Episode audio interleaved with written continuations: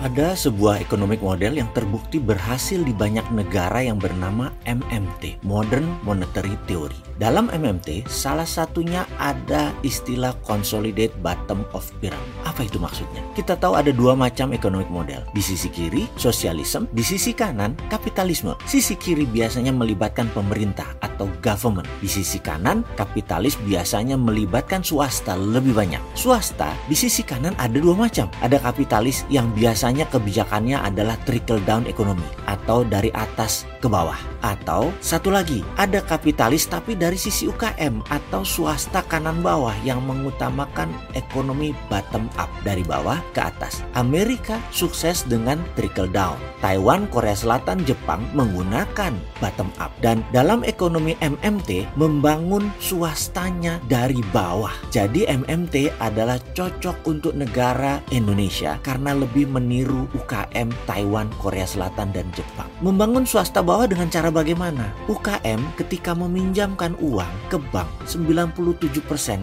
akan ada masalah dengan kolateral atau jaminan. Maka ke mana UKM harus berpaling? Berpalinglah ke MMT, berpalinglah ke tetangga Anda, pelanggan Anda, orang terdekat Anda. Mereka bisa chip in urun dana ikut memiliki usaha Anda. Inilah yang disebut konsolidasi dasar piramida. Kita sesama makhluk ekonomi yang berada di dasar piramida ekonomi bergandengan tangan membeli sebagian saham usaha milik tetangga kita, berinvestasi di kafe milik langganan kita sendiri, di toko yang kita selalu belanja di sana. Anda berinvestasi di usaha yang Anda sendiri beli produknya. Itulah bentuk ekonomi model terbaru. Tidak perlu ke bank pinjam dana, tidak perlu ke IPO yang memerlukan dana besar di awal serta rumitnya aturan. Cukup mempraktekkan new economic model yaitu konsolidasi bottom of pyramid. Selesai masalahnya.